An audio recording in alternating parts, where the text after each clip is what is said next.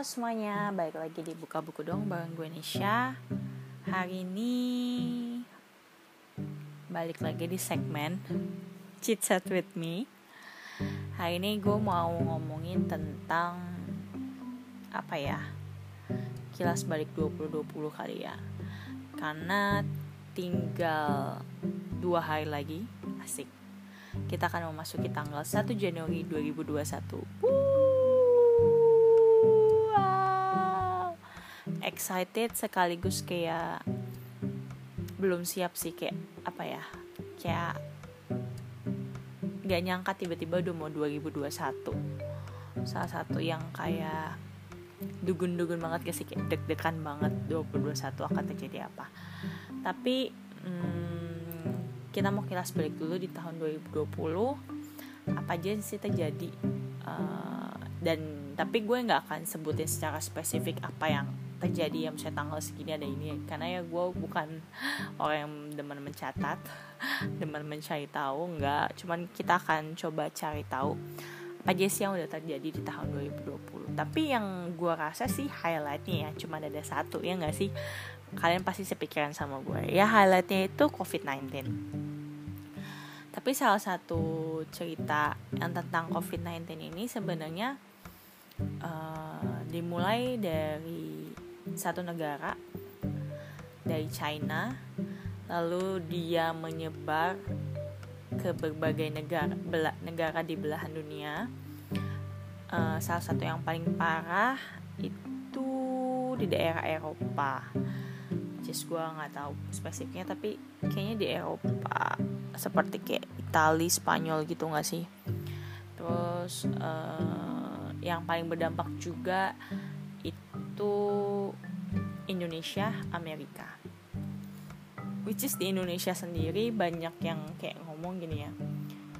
Indonesia gelombang satu tidak pernah kelar, sedangkan di beberapa negara maju uh, masuk udah mulai masuk ke gelombang ketiga. Berarti which is gini, gelombang satu mereka udah reda, terus muncul lagi gelombang dua, terus reda lagi dan muncul lagi gelombang tiga. Sedangkan Indonesia itu gelombang satu aja belum habis-habis. Jadi kayak masih lanjut terus bahkan emang sih cukup disayangkan Indonesia uh, setiap hari semakin bertambah bukan semakin berkurang.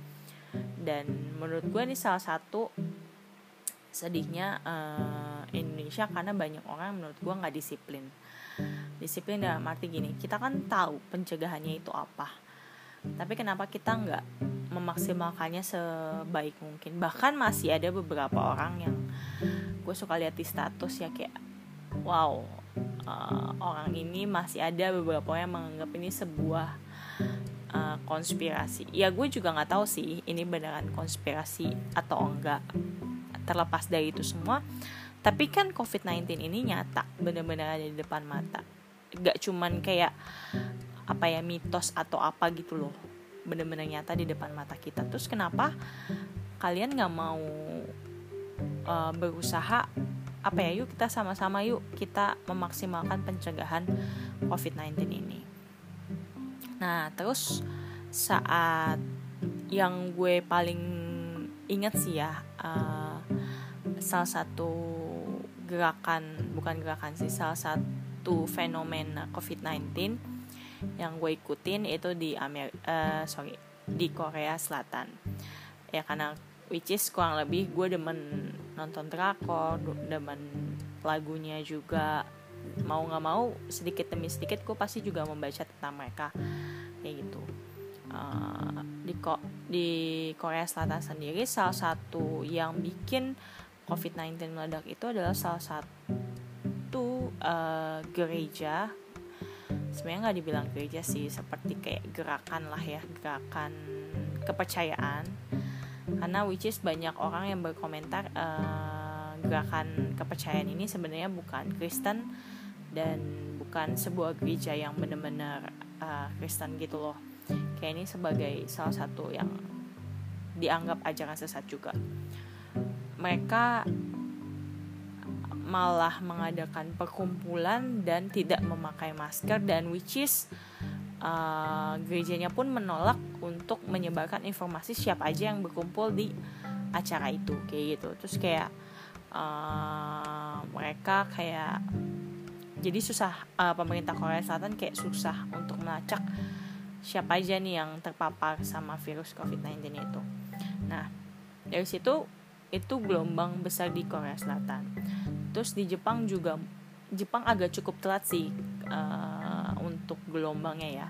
Jadi di saat uh, banyak negara juga sudah mulai turun kecuali Indonesia, Jepang malah baru naik bener-bener kayak ham uh, gue lihat di vlog salah satu youtuber juga kayak tiba-tiba Jepang sepi kayak gak ada yang nongkrong which is lu kalau kalian kebayangin negara Jepang itu uh, sehari-hari selalu padat pejalan kaki karena mereka uh, lebih lebih sering menggunakan transportasi umum kayak gitu. Nah terus di Amerika sendiri juga nggak kalah heboh. Bahkan kayaknya menurut gue di Amerika juga semacam Indonesia lah. Soalnya masih banyak yang di Amerika tuh yang awalnya tuh kayak nggak peduli uh, tentang COVID-19 ini. Maksudnya kayak uh, masih banyak yang nggak pakai masker segala macam bahkan gue inget banget uh, salah satu uh, calon presidennya ya which is waktu itu masih menjabat sebagai presiden Donald Trump itu belum pakai masker geng. Sampai akhirnya dia mengeluarkan peraturan wajib memakai masker itu setelah ya istilahnya uh, Indonesia sudah melewati PSBB transisi keberapa dia baru meng apa ya baru uh, mengeluarkan uh, peraturan wajib pakai masker. Dan di Amerika sendiri juga kasusnya cukup banyak dan membuat akhirnya uh, Trump pun memutuskan untuk uh, mengadakan gerakan masker sampai dia juga terkena positif COVID-19 dan tetap menjalankan pemilunya dengan begitu nyamannya. Kayak kayak tidak terjadi apa-apa. Eh gue bingung sih cukup bingung sama Donald Trump. Dan akhirnya Donald Trump kalah juga di pemilu Amerika. Menurut gue 2020 ini cukup heboh sih ya. Dimulai dari tentang COVID-19 terus belum tentang vaksin COVID-19 uh, di mana ada dua negara besar yang mengklaim sudah bisa membuat vaksin yaitu di China dan di Rusia. Dan Indonesia juga akan segera mendapatkan vaksin di 2021 pokoknya semuanya hampir berpusat tentang COVID-19 ya gak sih tapi salah satu yang heboh juga tuh um, di 2020 ya menurut gue salah satunya adalah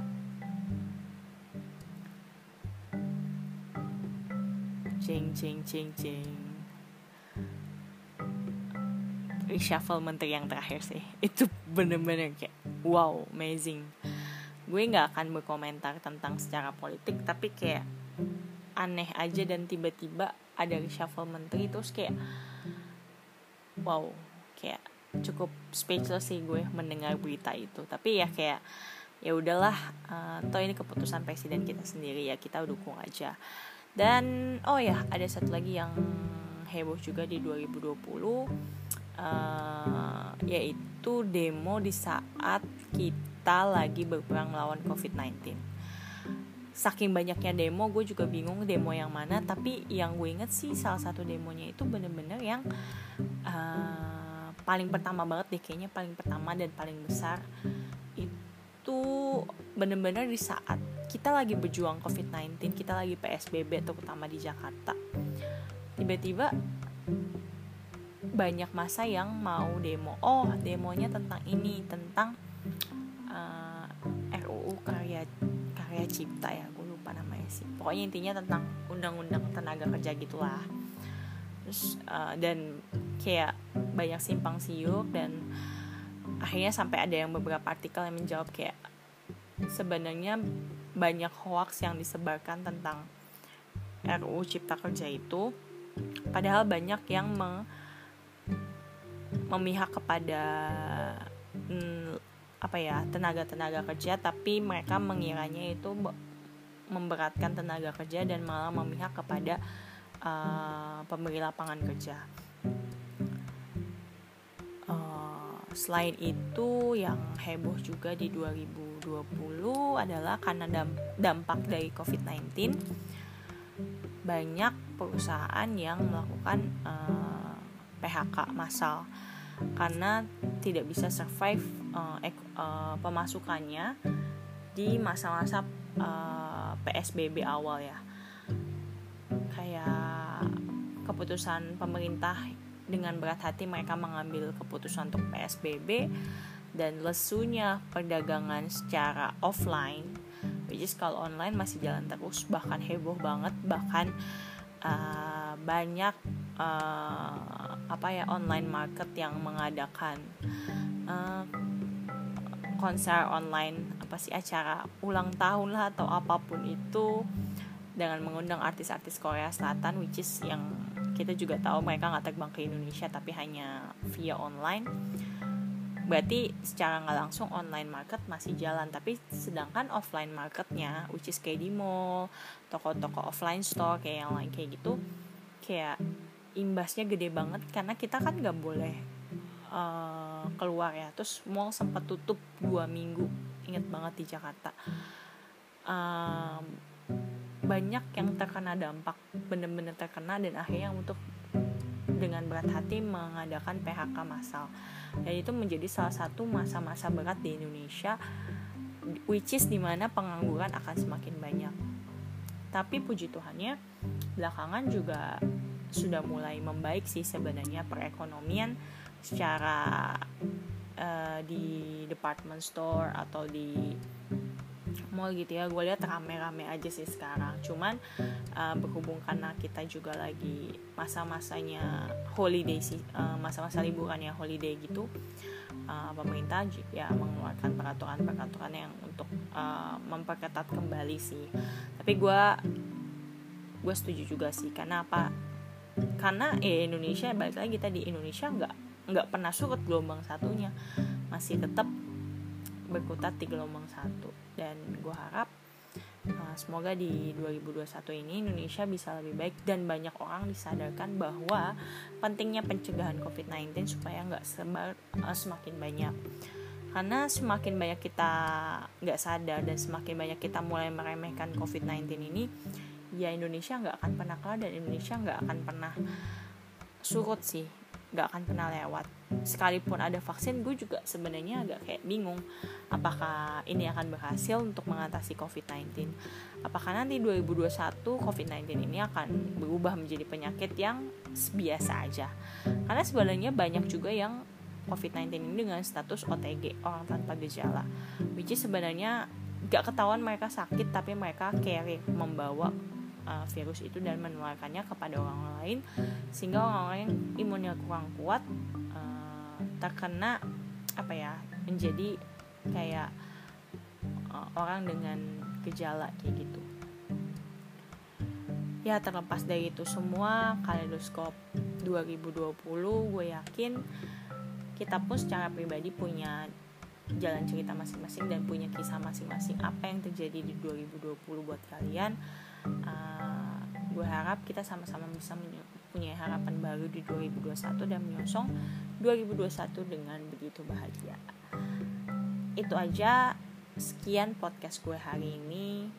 Hmm, next week mungkin gue akan masih lanjutkan dengan segmen chit chat sampai gue bisa menamatkan satu buku yang tebal itu. Uh, doakan saja semoga gue bisa menyelesaikannya dengan cepat okay, bye bye guys. See you next time. Bye bye.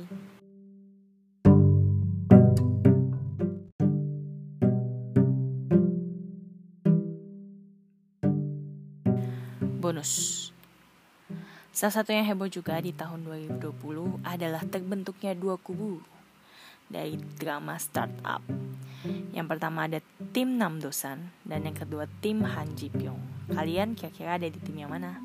kalau gue secara pribadi sih gue memilih untuk tidak pernah patah hati dan tidak pernah kecewa karena gue akan selalu mendukung tim Nam Dosan. Terlepas dari cakepnya Jipyong dan segala macam gue tetap ada di pihaknya Nam Dosan sih. Kenapa? Karena Nam Dosan adalah tokoh utamanya. Jadi gue nggak tidak tidak pernah membiarkan diri gue untuk patah hati.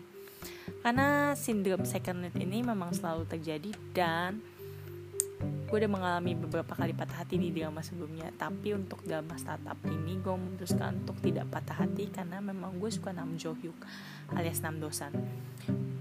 Gue udah ngikutin dia dari drama sebelum-sebelumnya dari dramanya dia yang masih jadi cameo masih jadi pemeran sampingan sampai akhirnya dia mendapatkan uh, pemeran utama salah satunya yang gue suka adalah di weightlifting Kim Bok Joo uh, gue suka banget ya di situ. Sampai akhirnya dia bisa jadi lead aktor di uh, drama startup. Dan yang kedua uh, tim Han Ji Pyong gue ya rasa hampir sebagian besar dari kalian akan mendukung Han Ji Pyong. Tapi say sorry gue tidak mendukung Han Ji Pyong. Tapi gue memang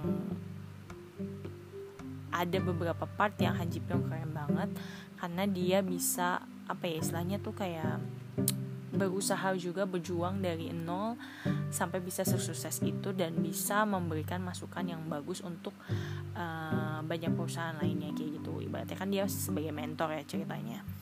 Terlepas dari Han Ji Pyong dan Nam Dosan uh, karena banyak teman gue yang suka Han Ji Pyong dan suka Kim Sun Ho secara pribadi asik. Padahal Kim Sun Ho juga baru debut beberapa tahun yang lalu. Enggak sih enggak beberapa tahun yang maksudnya jadi masuk layar TV itu baru beberapa tahun yang lalu lah. Dan maksudnya yang terkenal banget jadi polisi kalau gue nggak salah inget dan uh, salah satu yang dia udah jadi lead actornya di Waikiki